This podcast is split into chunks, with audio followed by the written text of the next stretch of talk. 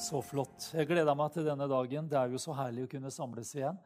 Og eh, som sagt, én ting er i hvert fall sikkert. Jeg er funnet ut. Vi er ikke kalt til å leve Zoom-liv eller digitale liv. Vi er kalt til å leve virkelige sånn derre tett på. Og eh, vi trenger fellesskapet. Jeg kjenner hvor avhengig jeg er av å leve menighet. Det er, det er, helt livsnødvendig. Altså. Så jeg har tenkt på de eh, nede i Nord-Korea og i andre land som ikke har muligheten til å treffes. Jeg bare tenker, kjære Gud, altså, Nå har jeg virkelig smakt bare bitte, bitte lite grann av de avgrensningene der. Og det, det, er, ikke, det er ikke noe jeg trakter etter. I hvert fall det er ikke noe jeg ønsker å leve videre. Så det er jo herlig. Og vi tror og håper at samfunnet vårt nå skal bare åpne seg mer og mer. At vi kan komme tett på og betjene hverandre. og Gleder meg til å kjenne litt spytt i panna. Det skal bli godt å kjenne at uh, vi er liksom der.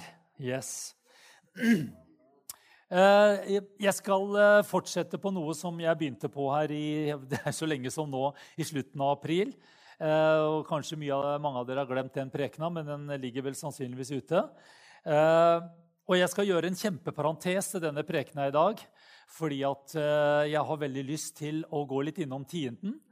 Eh, ikke fordi at vi er i en krisesituasjon i menigheten, eller at vi må gjøre noe ekstra eh, jippo for å gjøre det. Langt derifra. Men jeg har lyst til å bare ta oss inn i, i, tienden. Og jeg håper at du og jeg sammen skal få lov til å se kanskje med nye øyne også litt på den. For eh, jeg har funnet ut at er, vi bærer med oss mye religiøst når det gjelder eh, nattverd, når det gjelder faste og når det gjelder tiende. Så er det veldig mye litt sånn gammeltestamentlig tankegang som vi bærer med oss. Og jeg bare kjenner, det er jo en sånn, Vi lever i en ny pakt. Dere. Vi lever i en frihet som er så underbar at vi må bare rope den ut. Amen. Og det gjelder faktisk også tienden. Og det jeg skal si i dag, det er sånn at øh, noen ville tenke at det var ikke helt lurt. Det var ikke en lur strategi å preke sånn, Runar. fordi at øh, hvis du bare kjører litt hardt på den og får folk til liksom bare å gi tienden fordi at de vil jo ikke bli forbanna eller komme ut av noe, eller noe sånt, så, så får du i hvert fall pengene inn, Runar. Det er jo herlig. Folk liksom kjenner det at 'jeg våger jo ikke noe annet enn å gi tiende'. Men det er et helt feil grunnlag. Det er et helt annet grunnlag. Du og jeg skal være med og så inn i Guds rike. Amen. Det er sånn som noen sier, vet du, Runa vær forsiktig å undervise for mye og tale for mye om Guds nåde. For da blir folk så slappe vet du, og så lever de kjøttslige liv, og så synder de i all mass, for ingenting er noe fare, og du vet sånn og sånn. Jeg vet ikke så veldig redd for det. Amen. For det der at folk skal disiplinere seg gjennom at de lever i en frykt og ufrivillighet, konstant fordømmelse, nederlag og skam. Du vet at du kan se så prektig og fin ut på utsida, men du vet, det er jo hjertet Gud er interessert i. Det er livet her inne som Gud vil skal strømme fram i en glede og en frihet og i en sannhet. Amen. Så jeg tror på å undervise sannheten om Guds nåde, ikke for at folk skal bli slappe, men enda mer vilt begeistra for Jesus. Amen. Ja, det tror jeg også. Så, ehm, så, eh, og så kommer Den hellige ånd. Han gir en sunn balanse. Summen av Guds ord er sannhet. Amen. Kommer aldri til å høre fra denne plattformen at det er ok plutselig å begynne å synde. Lei langt derifra. Synd er på en måte å være som en uh, elektrisk bil. Du står eh, med motoren på og lysa og full aircondition. Ikke sant? Hva er det som skjer til slutt? Du går tom for strøm. Sånn er synden i våre liv. Om det bare får lov til å fortsette, vi går tom, vi går tom på strøm. Skjønner du? Så det der er, det er et liv jeg absolutt ikke vil anbefale deg. Men du skjønner, nåden den opptukter oss, og den hjelper oss til å leve et hellig liv vi aldri hadde klart å gjort på egen hånd. skjønner du? Vi hadde aldri klart det. Jeg hadde aldri klart det. Der kommer Guds kraft, Hans nåde, som istandsetter oss til å fullføre det vi aldri var meninga skulle gjøre i egen kraft. Og Det er så herlig, vet du, for da gir du bare Gud veldig elegant og veldig raskt all ære. Ingenting å rose oss av. Ingen, ikke en eneste en av oss. Amen. Ok, Det var jo ganske alvorlig, det jeg begynte med sist. da. Jeg skal bare veldig veldig kort komme innom det. Da starta jeg Johannes 16, 16,8. Og Der står det om når Den hellige ånd kommer, vil han overbevise, irettesette og dømme verden og demonstrere for den om synd, om rettferdighet og om dom. Og så var det en vers 9. Om synd fordi de ikke tror på meg, stoler på meg, eh, er avhengig av meg og følger meg. Og Jeg har også prekt noe tidligere om at Den hellige ånd kommer jo da for å overbevise verden om synd. Synden av å ikke tro på Jesus, ikke sant? Ja. Vi har vært veldig opptatt av handlinger. Syndens handlinger mer om uh, syndens røtter. Den hellige ånd kom ikke for å peke på alt det gærne som du og jeg gjør, eller har gjort. Han kommer for å peke på at vi skal få og overbevise oss om at vi skal få eller behøver en sterkere tro på Jesus. Amen. Det er det Den hellige ånd kommer for å gjøre oss. Og sier Runar, her er det et område i ditt liv hvor du trenger mer Guds ord, mer å tro Guds ord, Guds løfter, tro på Jesus. Amen. Halleluja. For det går på det å stole på Jesus, tro på Jesus, være avhengig av Jesus og følge Jesus. Det er det Den hellige ånd kommer for å overbevise oss om. Er ikke det herlig, da? Åh, det er jo underbart! Han, jeg, jeg, demonstrerte jo her sist. Han, det står at han er parakletos. Han er din og min advokat. Og jeg er så glad Jeg, sitter, jeg, som jeg, har sagt, jeg er jo eh, meddommer i lagmannsretten. Jeg hadde blitt veldig forundra hvis en av forsvarsadvokatene plutselig sto der og forsvarte sin klient. Og så plutselig så snur han seg om og så sa denne forbryteren der, denne elendige mannen som sitter der Vet du, Da hadde jo dommere og alle vi som satt der, tenkte hva skjedde nå? Han skal jo forsvare denne mannen.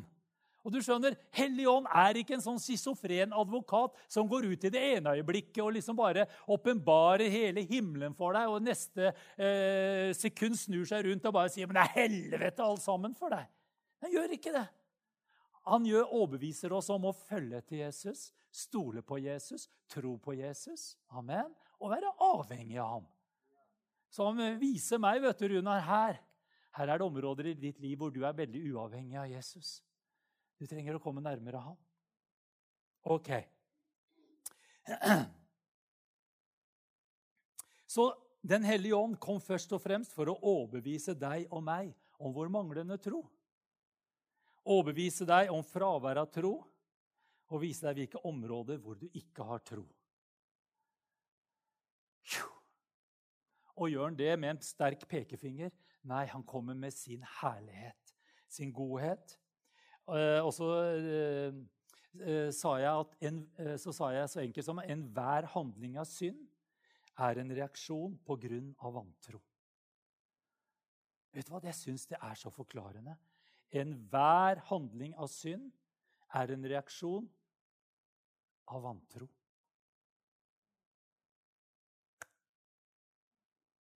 Kan gi tusen eksempler på det. Hvorfor snyter man på skatten? Fordi man tror, han tror ikke på at Guds velsignelse gjør rik. Amen. Det er jo så enkelt som det. Hvorfor er noen utro? Fordi man, ikke, fordi man har sluppet taket i troen på at Gud vil velsigne meg i dette ekteskapet og gi meg kraft til å kunne elske. Man har mista troen på løftet om ekteskapet. Da går man ut av Det er vantro på ekteskapet som gjør det. Og så vet vi det at vårt kjøtt det, det dras, vet du. Det skal bare ha egoisme og tilfredsstillelse. Så det er der hele tida. Men det er når vi slipper løftet og, og troen på det Gud har talt i sitt ord, det er i det momentet vi går ut på synden. skjønner du. Det er rota. Mens vi er så opptatt av effekten av synden, og det er veldig alvorlig. Men vi er så opptatt av handlingen mer enn hvorfor. Hvorfor drikker Jeppe? Skjønner du? Det er det store spørsmålet. Hvorfor synder du? Hvorfor faller du på det området igjen og igjen og igjen? Det er et område av vantro i ditt liv hvor bare Gud ved sin hellige ånd kan fylle og skape et nytt fundament, hvor du kan stå på og kjenne det at 'jeg tror Guds løfte på det området'. Det er det som vil gjøre deg stående. Ikke at du krampaktig gang på gang går i fordømmelse og sier nei, nå er det slutt, nå er det slutt, og så går du utpå igjen. Du må, det er noe annet, det er noe sterkere enn deg. Det er Guds ord som skal bygge deg så, så, så, så, solid at du klarer å stå også i den fristelsen. Jeg pleier å si der hvor du er som svakest, kan du bli som sterkest. Der hvor du føler deg mest brutt, det er det området i ditt liv som kommer til å bli det mest forsterka området. Hvorfor det? Jeg leste det akkurat. Den hellige ånd overbeviste deg. Her er du helt avhengig av Jesus, Runar. Her klarer du ikke å leve ditt liv sjøl. Det er bare Jesus i deg som gjør deg i stand til å seire over dette her. Det er et helt annet liv å leve, skjønner du. Da slipper vi å ta oss sammen og hele tida gå i fordømmelse. Vi bare sier, 'Gud, kom her og hjelp meg', så jeg får en tro på de løftene som du har gitt gjennom Jesus Kristus. Og de løftene har allerede blitt ropt ut ja, ammen over. De er allerede skrevet under med Jesu Kristi blod, og de er tilgjengelige for deg og meg. Å, halleluja. Det er jo bare grunn nok til å bli forelska i Jesus enda mer. Så vantro, det å ikke tro, er den opprinnelige årsaken, hovedgrunnen til, og røttene og grunnårsaken til all synd. Det var det som lurte Adam og Eva i Hedens hage. ikke sant? Plutselig så trodde de ikke på det Gud hadde talt. Det var det djevelen kom og rokka ved. Har Gud virkelig sagt? Og så tvilte de på det Gud virkelig hadde sagt. Skjønner du? Det er sånn det funker. Det er sånn djevelen kommer til meg og deg. Kommer på akkurat samme måten. Har Gud virkelig sagt Runar? Stemmer det der?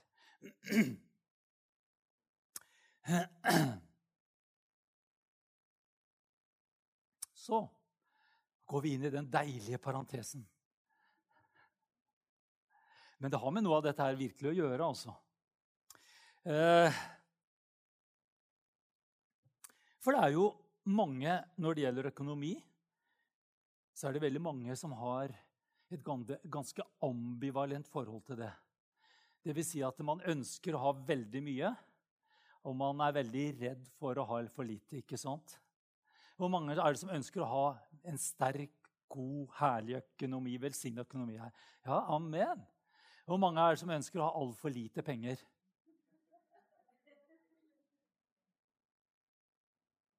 Vi er jo ganske på en måte avhengig av disse pengene. Eh, vi liker jo ikke å si det, men vi er jo det. Eh, penger er penger. Og eh, du vet at frykten av å ha for lite Hva er det som skjer hvis vi har frykt av å ha for lite? Vi passer på ikke, at ikke det forsvinner for mye ut ifra oss. ikke sant? Mer, man tenker mer jeg gir ut, jo mindre har jeg igjen. Så nå må jeg passe på. Dette noen av dere er veldig flinke. ikke sant? Kjører med Excel-ark og har til enhver tid oversikt og er innom eh, mobilbanken ti ganger i løpet av dagen. Og bare Ja, da har jeg full oversikt. full oversikt. Å, takk, Jesus. Å, ja. Og regner ut. Jeg kan bruke 143,63 143 kroner, 63 øre per dag til neste lønning. Det er mange måter ikke sant, man uh, opplever økonomien som på. Eh, men jeg er veldig glad for det, at ikke Den hellige ånd kom for å rope ned 'Runar, du gir for lite!'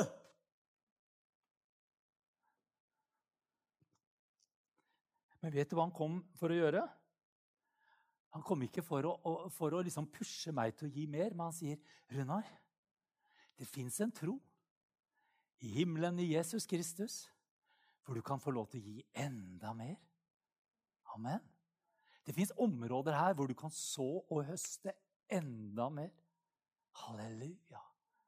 Så du vet at Den hellige ånd han, han kommer ikke for å overbevise deg først og fremst om din mangel på å gi. Er ikke det herlig? Er ikke det befriende? Vi tror jo så mye rart om Gud. dere. Vi må få rett bilde av hvem Gud er. Han kommer ikke for å heve pekefingeren og si du har, en, du har mangel av å gi. Nei, det er ikke sånn Den hellige ånd kommer. Han sier ikke 'Se hvor elendig tiende du er med å gi inn i menigheten.' 'Se på de greiene her. Det er dårlig stell. Det er dårlige greier.' Han kommer ikke der. Han sier ikke du gir bare 0,01 av din tiende, av din inntekt inn. Nei, i Guds rike. Nei, han tar deg selvfølgelig til den grunnleggende årsaken til hvorfor ikke du gir. Han, gir, han tar deg med inn der hvor han sier her er det områder av Guds løfter og Guds velsignelse som ikke du tror på.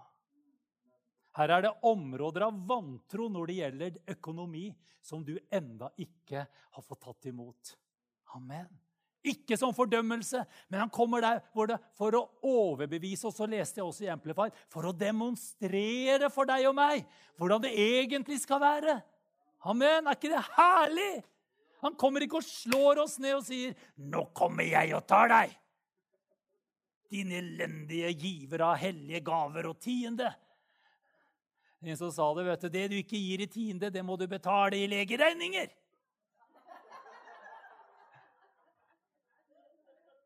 OK, OK, kjære Gud. Ja, det var jo sønnen min brakk armen forrige måned, og jeg ga jo litt mindre. Ja, du vet, folk tenker sånn. Det første vi mennesker tenker, det er årsak, virkning, virkning, årsak. Det er det første vi tenker. Å, nå ble jeg grusomt sjuk. Ja, jeg, jeg, jeg, jeg, gjorde noe grusomt. Jeg sa noe der i familieselskapet. Jeg skulle aldri ha sagt det. Nå sier jeg Jeg ble så grusomt sjuk etterpå det. altså.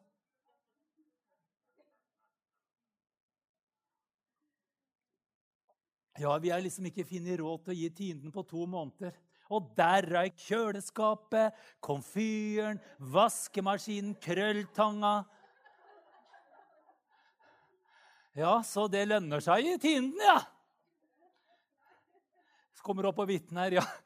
ja, jeg ga ikke tienden i to måneder, og Herren slo meg skikkelig, og nå kjenner jeg at det er så herlig å gi tienden igjen. Ja, det er bra. Men vet du hva? Det gagner deg ingenting. Det kommer til. Du skjønner, Det er en helt annen divisjon vi spiller på nå, kjære venner. Det er en helt ny pakt. Det er en helt nytt frihetsområde vi har kommet inn i.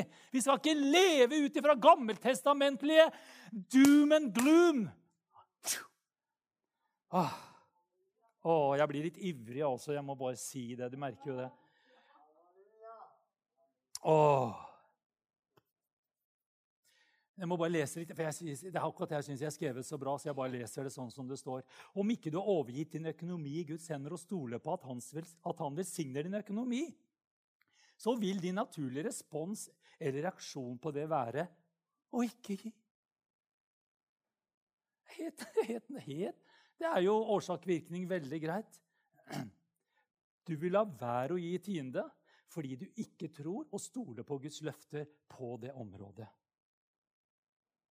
Så neste gang du kjenner på det, så ta en pause.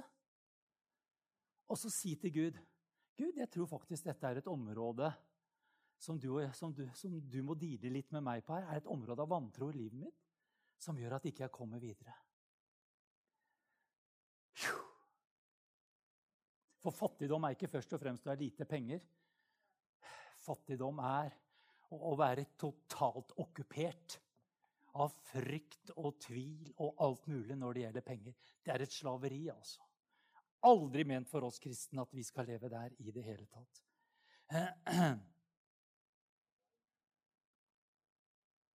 Og det gjelder på alle områder av livet vårt.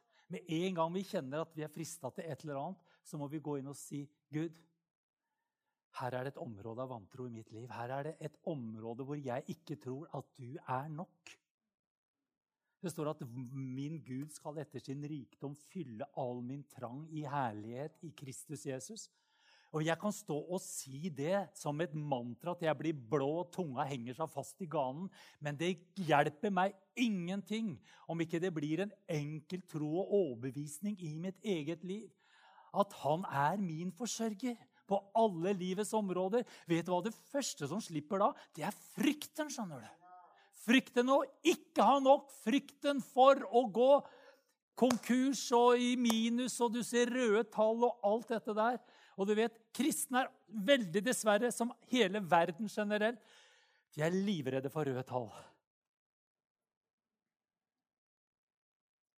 Men du vet, Gud han har en herlig fargeblyant i himmelen. Og han kan få det røde til å bli veldig sort.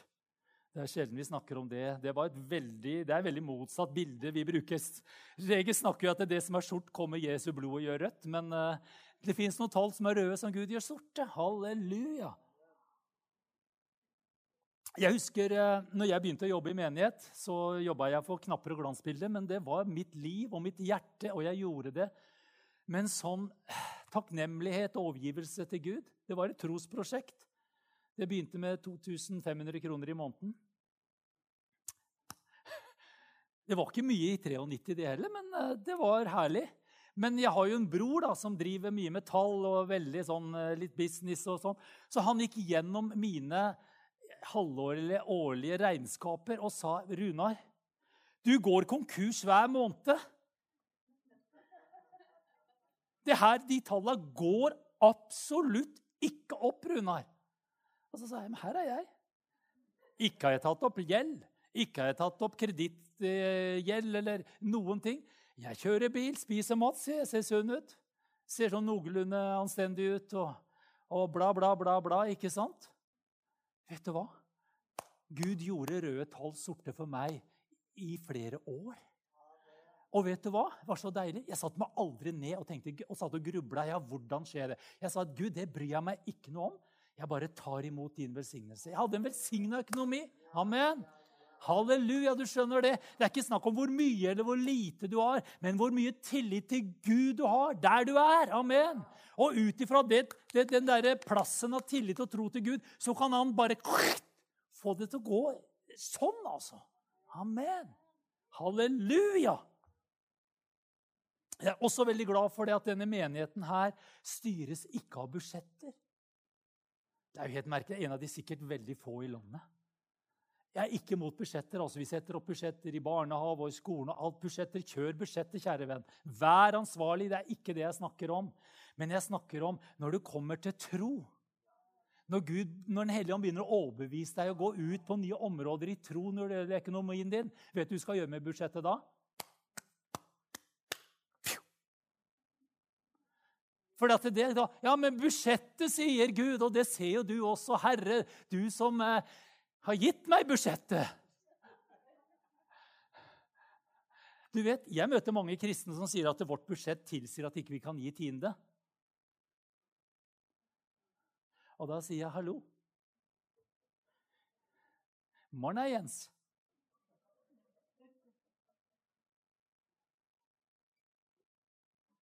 Ja, men kjære, tida går jo altfor fort. Jeg, jeg, hjelp meg, Herre. Ja, det skal jeg gjøre.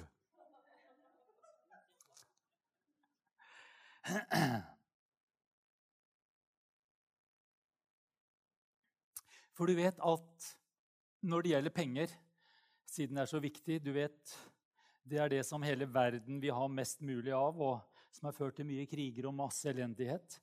Eh, der er det så fort gjort at vi mennesker har eh, satt Guds ord ut av spill ved at vi har innført våre egne forskrifter og, og doktriner og tradisjoner. Det står i Markus evangelium 7,13. Jesus sier det. Dere setter Guds ord ut av kraft ved de forskriftene dere har gitt videre, og mange lignende skikker følger dere. Og jeg tror dessverre at tiende har havna litt i den kategorien der av eh, eh forskrifter, tradisjoner og doktriner som har eh, litt blanding av Det nye testamentet og litt glam, glammings, og litt blanding av Det gamle testamentet. Og da vet vi det at når vi blander de to tinga der sammen, så blir det ingenting. Ja. Det er så dødt som et dødehav, altså. Det er, eh, det er så viktig at vi ser forskjellen. Så menneskelige tradisjoner og doktriner setter Guds ord ut av kraft. Første Korinterbrev, kapittel 13. Og nå skal vi kalle det et bryllup her, for det er da vi begynner å lese disse. Men det er, fanta det er fantastiske ord. Og, og, der står det i vers 3.: Om jeg gir bort alt det jeg eier til mat for de fattige, om jeg gir min kropp til å brenne så jeg kan rose meg, men ikke har kjærlighet, gagner det meg ingenting. Så du vet, ditt motiv for å gi er mye mer viktig enn gaven. Det er det Gud er opptatt av. Tenk på denne fariseeren og denne fattige enka som kom og skulle gi sin skjær. Hva er det Gud så til hele tida der? Det var jo ikke størrelsen på beløpet, men det var hjertet bak. ikke sant? Troen til å gi av det man har, ikke sant? Det er der Gud alltid, alltid er, ikke sant? Så, så det har med hjertet Det er en hjertesak. Uh, mens vi har altfor mye undervist om, og det må jeg si også, uh, i hvert fall ikke den siste tida her jeg håper å si Siden 2016 så har du ikke hørt så mye av det fra denne plattforma, om at det er en forpliktelse, og det er en uh, Det er bare noe du må gjøre, og gi tiende. og da gjør vi noe som er så vidunderlig herlig. Vi gjør guddommelige prinsipper om til loviske og eh, tradisjonsbundne ting. Eh, og det skal vi være helt fri fra. Jeg kommer litt inn på også det her. Eh, for det første, alt som ikke er gitt i tro og i kjærlighet Jeg skriver det her setter Guds velsignelser og løfter ut av kraft.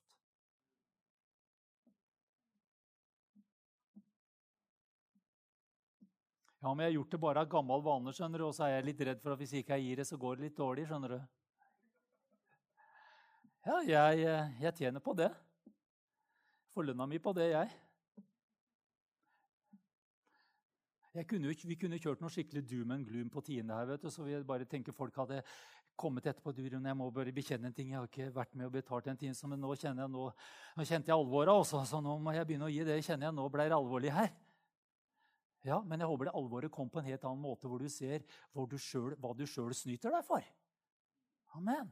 Der håper jeg du begynner begynner å få opp øya. Hva du sjøl er med å lage snubletråder i ditt eget liv.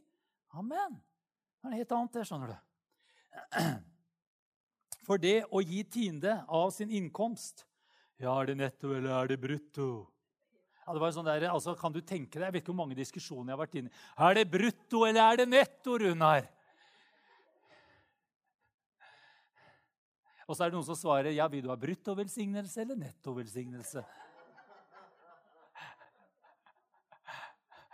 Ikke sant? Og da er vi litt ute og sykler igjen, hvis du skjønner. Ikke sant? For da, det hele tida Gud spør etter din tro. Amen. Men eh, jeg leser jo det at du skal bære alt og gi alt. Det har aldri lest. Men hvis du kan finne et ord Det har vært veldig interessant. Jeg oppmuntrer deg. Kan du finne et ord hvor Gud sier 'gi meg, gi meg din netto'? Jeg vil gjerne ha netto av hjertet ditt, Runar. Gi meg netto av alt det du har. Ja, men det er litt interessant. Jeg gjør det, altså, men jeg er veldig åpen. Det hadde vært interessant å se om det hadde vært. Hadde jeg spart mye penger, ja. Men jeg min tro, min personlige tro, som ikke jeg på noen måte skal tre over deg, og takk og lov for det, for du må få en egen personlig tro og overbevisning. Amen. Men min personlige tro er at alt jeg eier og har, tilhører Herren, og det er bruttoen. Så jeg gir tiende av brutto. Og det kjenner jeg en fred og en glede og en enkel tro på. Amen. Sånn er det. Så du vet hvor jeg står. Ikke kom og krangle med meg, men hvis, hvis, du har bibelvers, så er jeg veldig åpen. Fordi at jeg kjenner jeg vil ha et ydmykt hjerte. ser jeg at Gud sier 'Å, ikke gi meg brutto, men jeg vil bare ha nettoen'. Det er vel ingen enklere ting jeg kan snu på enn akkurat det. Det må jeg ærlig si. Men, men jeg ser at altfor mye har blitt eh, gitt i frykt eller i tradisjon eller ut ifra et gammeltestamentlig ståsted. Mye mer ut ifra en frihet og glede. Og det må vi bare få bort også. Selv om vi skulle tape noen tusen, så vil vi få inn titusener friske, herlige kroner inn isteden. Halleluja. For jeg tenker Det er mye viktig for oss at vi forkynner evangeliet og Guds ord rent og klart enn at vi driver og manipulerer og kontrollerer. Og jeg har så mange historier jeg kunne fortalt om deg, men da mister du all tro. Det skal jeg ikke gjøre, men det fins mye kristen historikk av manipulasjon, av kontroll, av lurerier, av eh, åndelige misbruk av dette med penger. Og i Jesu navn Skal aldri den menigheten her drive på med noe sånt noe i Jesu navn. I Jesu navn. Jeg bare kjenner det i Jesu navn, altså. Halleluja. Jeg vil heller ikke ha de pengene. For Gud kommer til å gi disse pengene fra et annet sted. Amen. Å, Jesus. Men tiende eh, er et bibelsk prinsipp som ble gitt før loven kom. Og det er så herlig. Så tienden er et bibelsk prinsipp som ble gitt før loven kom. Det er ikke en gammeltestamentlig bit som forsvant inn i den nye pakt. Det å gi 10% av det man fikk inn, ble gitt før loven ca. 450 år før loven kom. Og Den ble første gang nevnt i Første Mosebok kapittel 14. Og da kommer denne forunderlige, helt spesielle Melkisedek inn. ikke sant? Jeg syns det navnet er så fint. Melkisedek. Hvorfor er det ingen som har kalt sønnen sin opp etter det? Kom da, Melkisedek.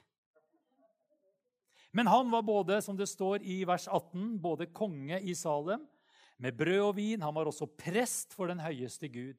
Han velsignet ham, altså denne kongen, denne presten i Salem, velsignet Abraham.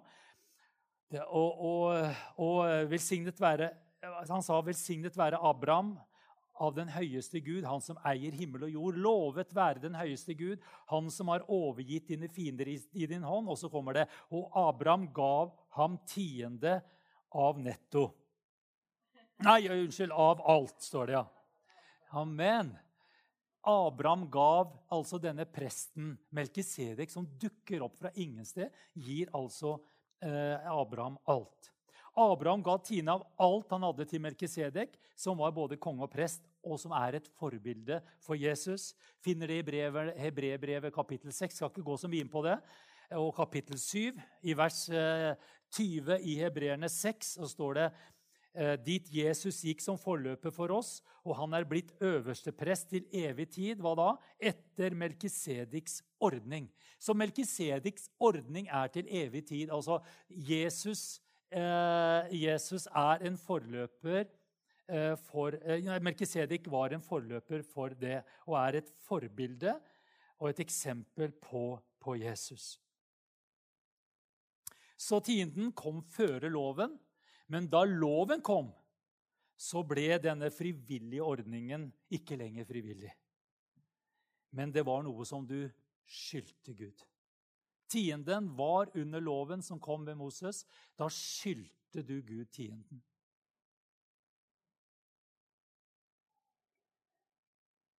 Syns du det er noe interessant?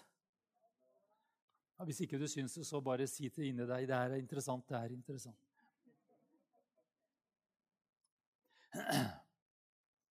Og så kom vi til et av de mest brukte bibelsitatene fra Gamle Testamentet når det gjelder tiden. Hvor tror jeg vi skal hen da? Malaki, Malaki, Malaki. Malakias. Du, vet du hva? Jeg må bekjenne jeg har prekt den tiendeprekenen der så grusomt. Og det er heldigvis mange, mange, mange år siden. Flere av dere var ikke født den gangen engang. Det er godt å kunne si. Men det står fra vers 8 i Malaki, eh, profeten Malaki kapittel 3 så står det Skal et menneske rane Gud? spørsmålstegn. Likevel har dere ranet fra meg. Men dere spør hva vi ranet fra deg? Tienden og de hellige gaver, eller tienden og offergaven? Dere er sannelig forbannet, eller forbannelsen har rammet dere, for dere er ranet fra meg. Ja, det har hele dette folket gjort. Bring hele tienden inn i forholdshuset eller lagerhuset, så det kan være mat i mitt hus. Prøv meg på denne måten, sier eh, herskarenes herre, om jeg ikke åpner himmelens sluser eller luker for dere og utøser en slik velsignelse for dere at det ikke er rom nok til å ta imot den. Jeg skal, true, jeg skal true den fortærende gresshoppen for deres skyld, så den ikke ødelegger jordens grøde for dere. Vintreet på marken skal ikke mangle frukt for dere, sier herskarenes herre. Oi, oi, oi. Tror vi at dette bibelsitatet noen gang har blitt misbrukt? Og vet du hva? Jeg har vært en av de som har misbrukt det ordentlig. også. Jeg husker jeg var på teamtur ned til Sør-Sverige. Skulle holde min første kollektpreken. Gjett hva jeg valgte. Hadde jo ingen åpenbaring på det greiene her. Stilte meg fram i den lille, forskremte menigheten der nede i Sør-Sverige. En forskremt bibelskoleelev møter en forskremt forsamling. Kan du tenke det? Jeg husker Det var så varmt. Det var en sånn kjempevarm dag. Og så hadde de sånne litt sånn dårlige gardiner. Og akkurat der jeg ble stående på plattforma, der kom dette sterke sollyset inn. Og så begynte jeg da vet du, å snakke om Raner du Gud? Er du en av disse som raner Gud? Da vet du hva du får. Forbannelse. Og så begynte jeg, vet du, og så skulle jeg gå videre. Men så kom jeg du vet, jeg kom inn i et spor. Så jeg, til slutt så endte jeg, altså jeg endte opp med en skikkelig ranshistorie. Og det blei bankran, og det blei ble ran på ran. Og jeg klarte ikke å komme ut. Og jeg, jeg bare kjente dette blir veldig gærent. Og jeg svetta. Og det bare rant ned. Jeg, måtte, jeg kunne ikke se til slutt. Og så i det lyset da, så bare så jeg fra overleppa når jeg prata, så bare spruta det. Og du praner Gud!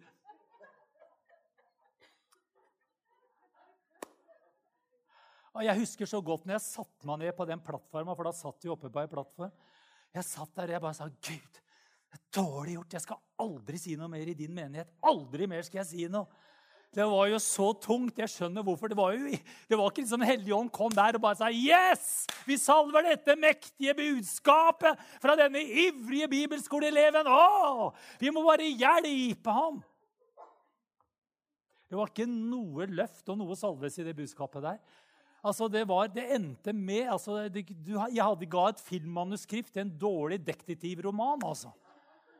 Det er helt sant. Elendighet var det. Du kan tenke deg folka som satt der igjen. Du kan tro, det, var, tro det var mye glede i den der offergaven som kom i den formiddagen der. Men jeg gjorde jo det ut ifra et helt kjærlighetsfylt, overbevist hjerte. Jeg kjenner ingen fordømmelse, for det var det jeg trodde. Jeg trodde det. Jeg hjalp de menneskene fra å slutte å rane.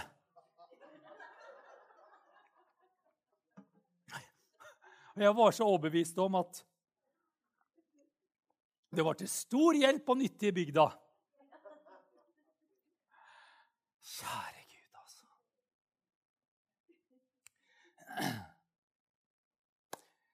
Tienden og gavene som står om her i Malakias, det var noe som loven krevde. Det var ikke noe frivillig.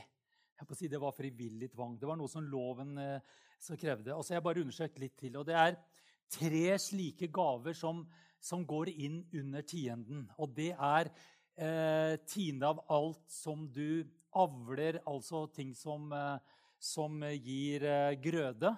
Og så var det tiende av all buskap, altså alle dyr. Det skulle du gi eh, en gang i året.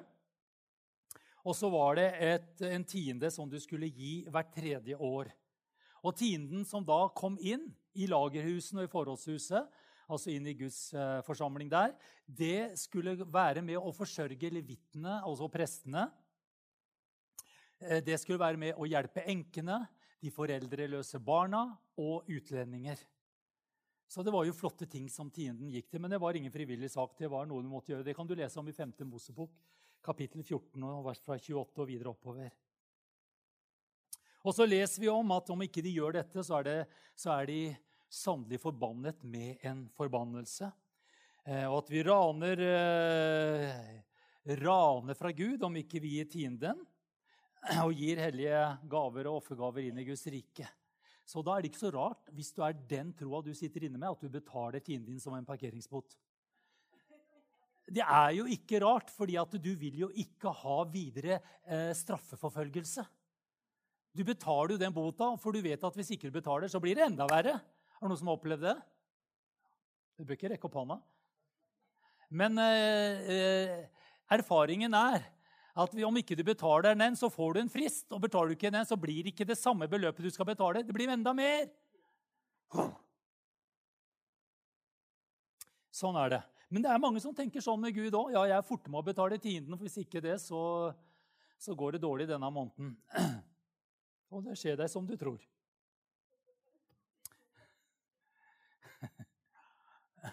Men du skjønner, dette er under loven, kjære venn.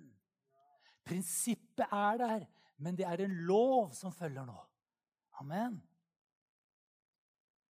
Så om du tror at Gud forbanner deg ved å ikke gi tiende, så blir han jo lik, mer lik gudfaren enn Gud, vår far. Hører du forskjellen? Gudfaren, hvor har vi det fra? Mafia. Magnus, kan du reise opp? Sånn ser en sånn ut. De ser italienske ut, ikke sant? Sergio kan reise seg opp. Han ser litt sånn mafiaboss ut, han òg. Du vet at, eh, Men det er sant, noen av vi kristne vi har tenkt mer på Gud, vår far, som gudfaren. Og hva er, det, hva er det som skjer? Jo, det er at noen plutselig dukker Du driver forretning eller har noe business, eller du har en uh, en restaurant eller hva det er. Og så plutselig da så står det én eller to eller tre eller ti stykker på døra di og banker på og sier Du, har du lagt merke til at det har vært en del branner i området her det siste? Eh, har du sett at det har vært en del ruteknusning på noen butikker her? Ja, det har vi erfart. Ja, det er noen som har gått konkurs både her og der. Ja, det vil vel du unngå? Absolutt. Vi har løsningen for deg. Hvis du bare betaler oss litt penger, så skal vi beskytte denne butikken og denne restauranten, så at ikke det skjer deg. Å, så deilig. Sannheten er at eh, de som nå beskytter deg, er de samme som brenner ned. Det er akkurat de samme som setter fyr på de andre. Det er de som nå skal beskytte deg. Og du må mute deg for å kunne drive businessen din i fred. Kjære Gud, nå ser du jeg betaler min tiende, så vær så snill og ikke ødelegg her nå. Kjære Gud, nå ser du at jeg betaler tienden, så vær så snill, ikke ta din beskyttelse fra meg! Så jeg blir rammet av forbannelsen. Du ber jo ikke sånn, men det er jo sånn du tenker. Jeg bare, bare avslører litt tankebygninger her, jeg. For da kommer jeg jo ut av beskyttelsen. Ja, hvis Gud er gudfaderen for, Gud, gudfaderen for deg, så blir det fort sånn. Han er ikke sånn for meg. Han er Gud, min far. Halleluja. Han trekker vel ikke sin beskyttelse fra meg? Ah, den beskyttelsen har jeg jo fått ikke på grunn av meg heller. Jeg har fått den på grunn av Jesus. Halleluja. Å nei, når tida går fort Men det er fort Oi. Jeg skal ikke stresse, altså, men det er så viktig at vi får inn dette her.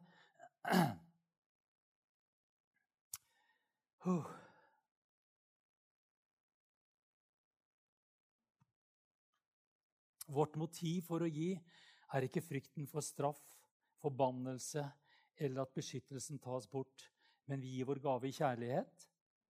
Om ikke vi gjør det, så hjelper det oss ingenting. Om vi ikke gir den i tro, om du ikke gir den i tro, men i frykt, så, det, så hjelper det ingenting, hvis du skjønner. Hvorfor er det, får jeg så lite jeg møter jo noen her ærlige, oppriktige kristne. Jeg syns jeg får veldig lite igjen for den tienden. Ja, jeg har møtt mennesker som har sagt det rett ut til meg. Jeg gir tiende, men jeg syns det, det, er, det, er mye Det er ikke mye å skryte av, egentlig.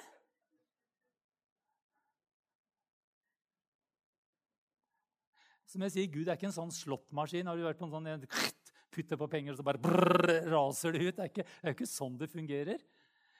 Men ikke sant? det er at man har bare fulgt et prinsipp uten å koble sin tro, sin kjærlighet til Jesus. Altså Et hjerte, altså hjertets motiv. Ikke sant? Jeg tror veldig mange av de menneskene er gitt i frykt, i tvang og i, i, i håp om å, å slippe, Guds, eh, slippe noen forbannelser et eller annet sted rundt. Og så tenker jeg jeg gir, om ikke annet så gir jeg tiende for sikkerhets skyld, i hvert fall. Jeg gir det for sikkerhets skyld. Sikkerhet for hva da?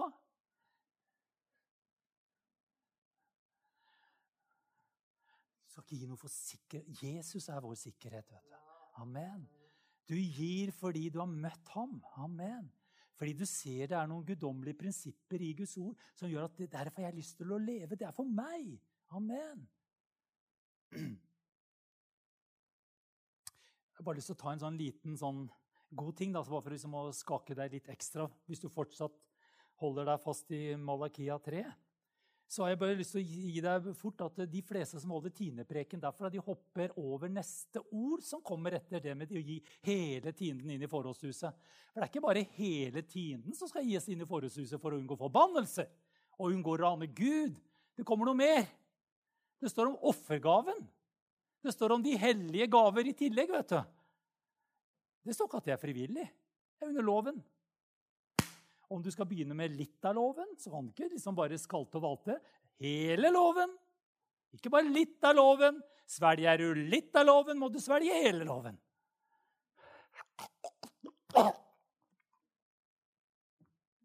Den setter seg i halsen.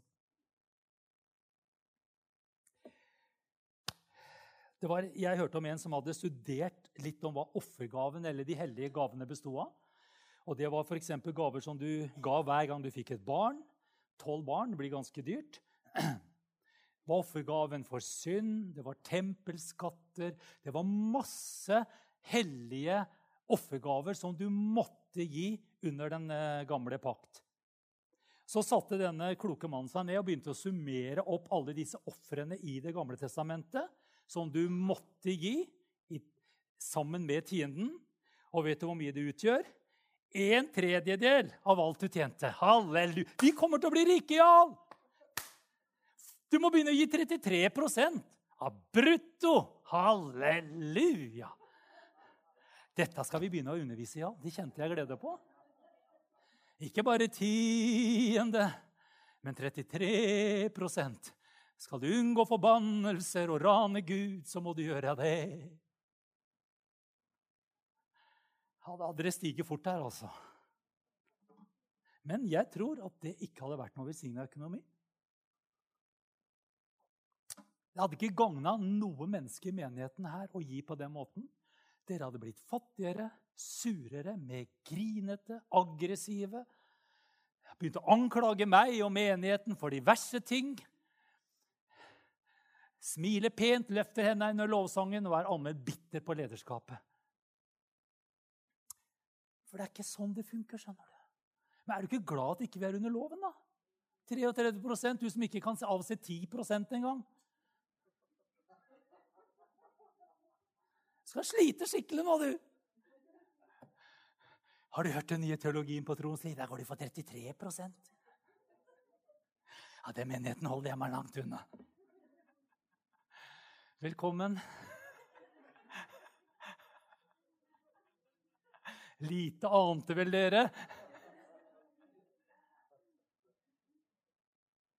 Ja, Det er en familie vi skal få lov til å ønske velkommen etter hvert, skjønner du, men jeg bare tar litt sånn gleden på forskudd. Sigler Olsen, halleluja! Skal vi gi deg en klapp allikevel? 33 er vi ikke glad vi er fri fra loven, dere?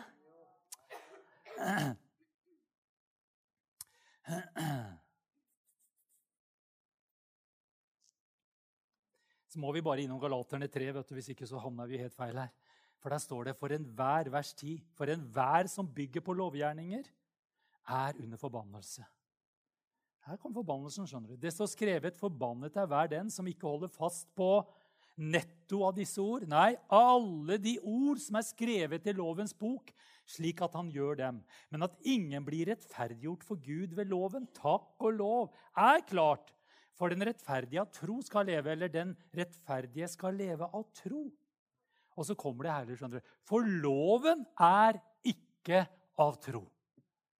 Du trenger ikke ha tro for loven, skjønner du. Det syns jeg var litt, sånn, eh, litt herlig.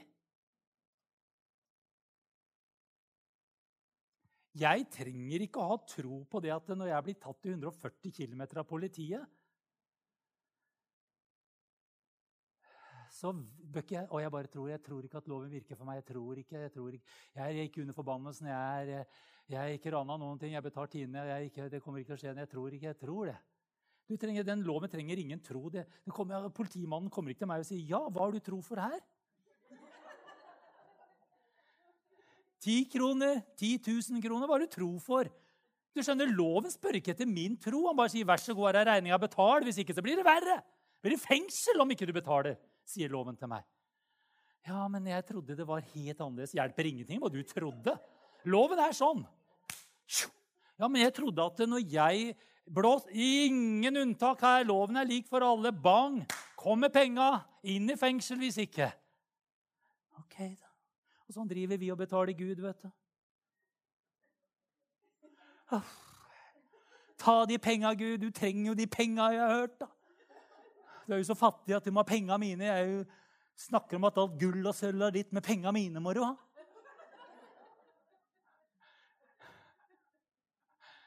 du har sånne bilder av Gud, ikke sant? Det er helt feil. Gud trenger ikke ei krone fra deg. Det er du som trenger det. Glory Jesus. Du trenger å ha frihet på din økonomi. Sitter der, Du blir så innsausa i det at det er helt utrolig. Gud har latt oss være med å gi. For hvis ikke det, så blir du et tilstoppa, oppstipert dødehav. Helt riktig, altså.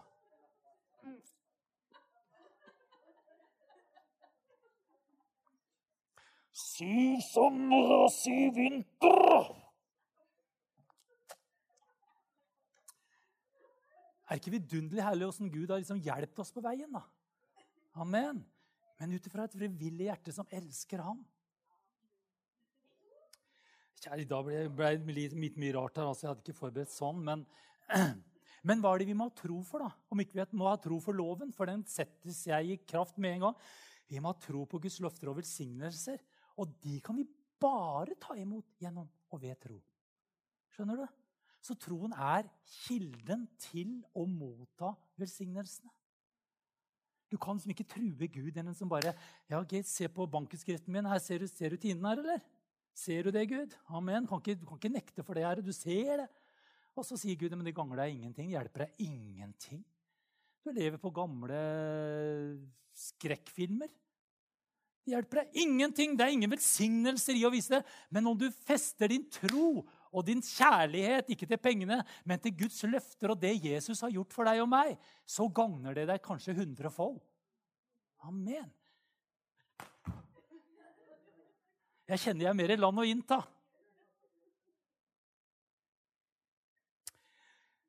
Åh, men altså Troen, hva gjør det? Den sier det mennesket som gjør det budene sier Nei, det, eh, loven sier at de mennesket gjør det budene sier, skal leve ved dem. Kristus, derimot, halleluja! Han har kjøpt oss fri fra lovens forbannelse. Glory Jesus! Idet han ble en forbannelse for oss, for det som skrevet 'forbannet er hver den som henger på et tre'. Amen! Du kan flytte den direkte inn i Malakia 3, skjønner du. Dette skjedde for at Abrahams velsignelse skulle komme til hedningefolkene i Kristus Jesus. For at vi ved troen hva da? Troen, troen, troen kunne få ånden som det var gitt løfte om. Halleluja.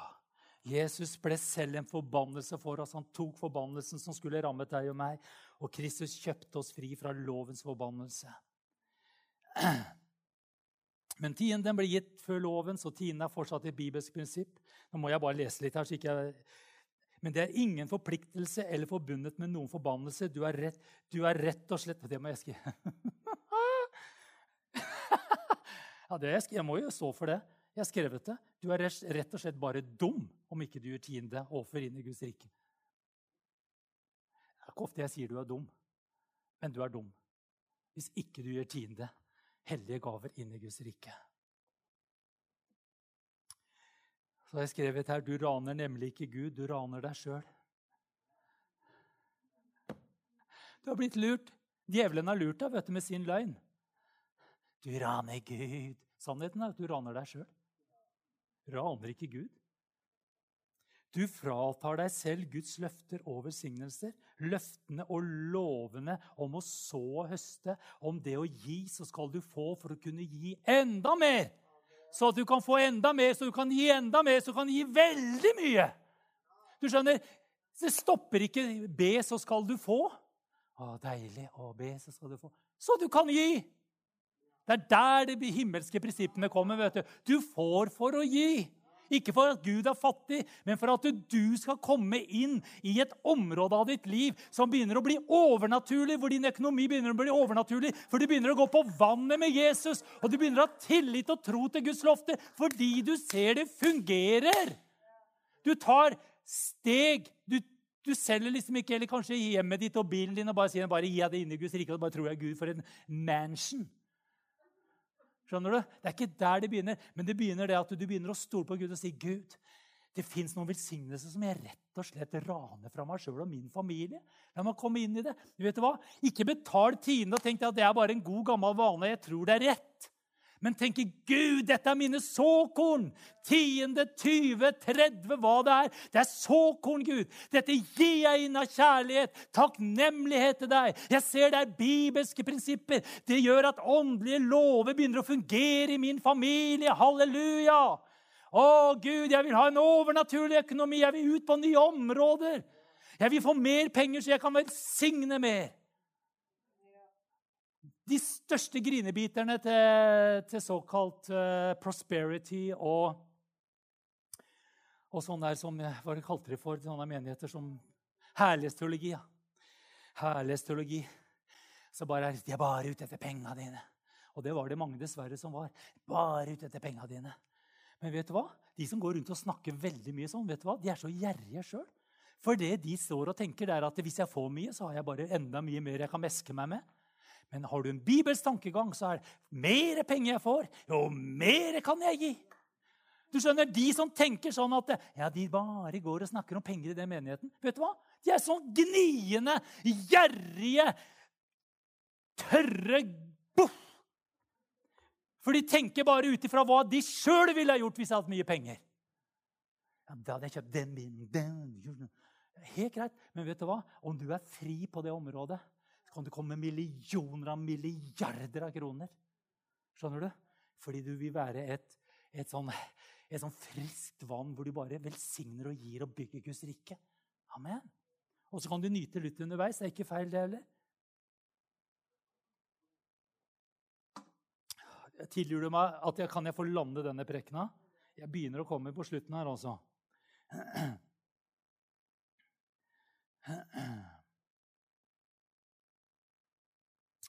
Vi gir ikke lenger for å slippe forbannelse. I den nye pakt gir vi tro og kjærlighet frivillig, uten tvang. Og så kommer det her med såkorn. Han gir såmannen såkorn og brød å ete, og han skal også gi dere såkorn og la det mangedoble seg og gi vekst til frukten av deres rettferdighet. Amen. Vet du hva? Vi er fri. Vi er eh, fri til å gi mer. For den som så rikelig i tro og kjærlighet, skal høste rikelig.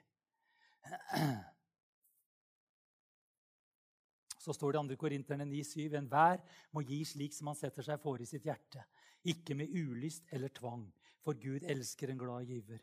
Jeg husker en som sa da må jeg passe på å ikke sette meg altfor mye her inne, for i mitt hjerte.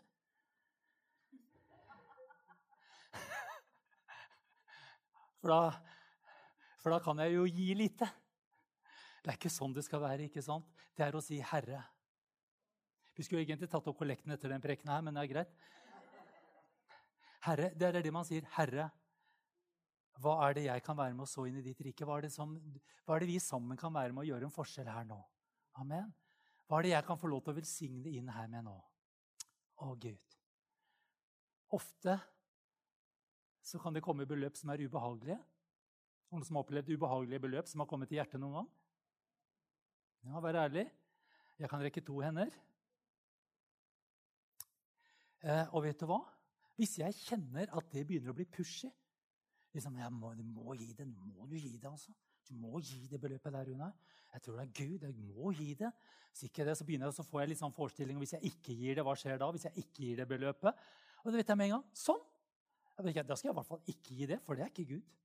Han kommer ikke sånn. Det står, Hva det står det? Det kommer med en lyst, og det kommer med en frivillighet. Og så kommer det med en glede. Amen. Er ikke det herlig? Har du ikke det?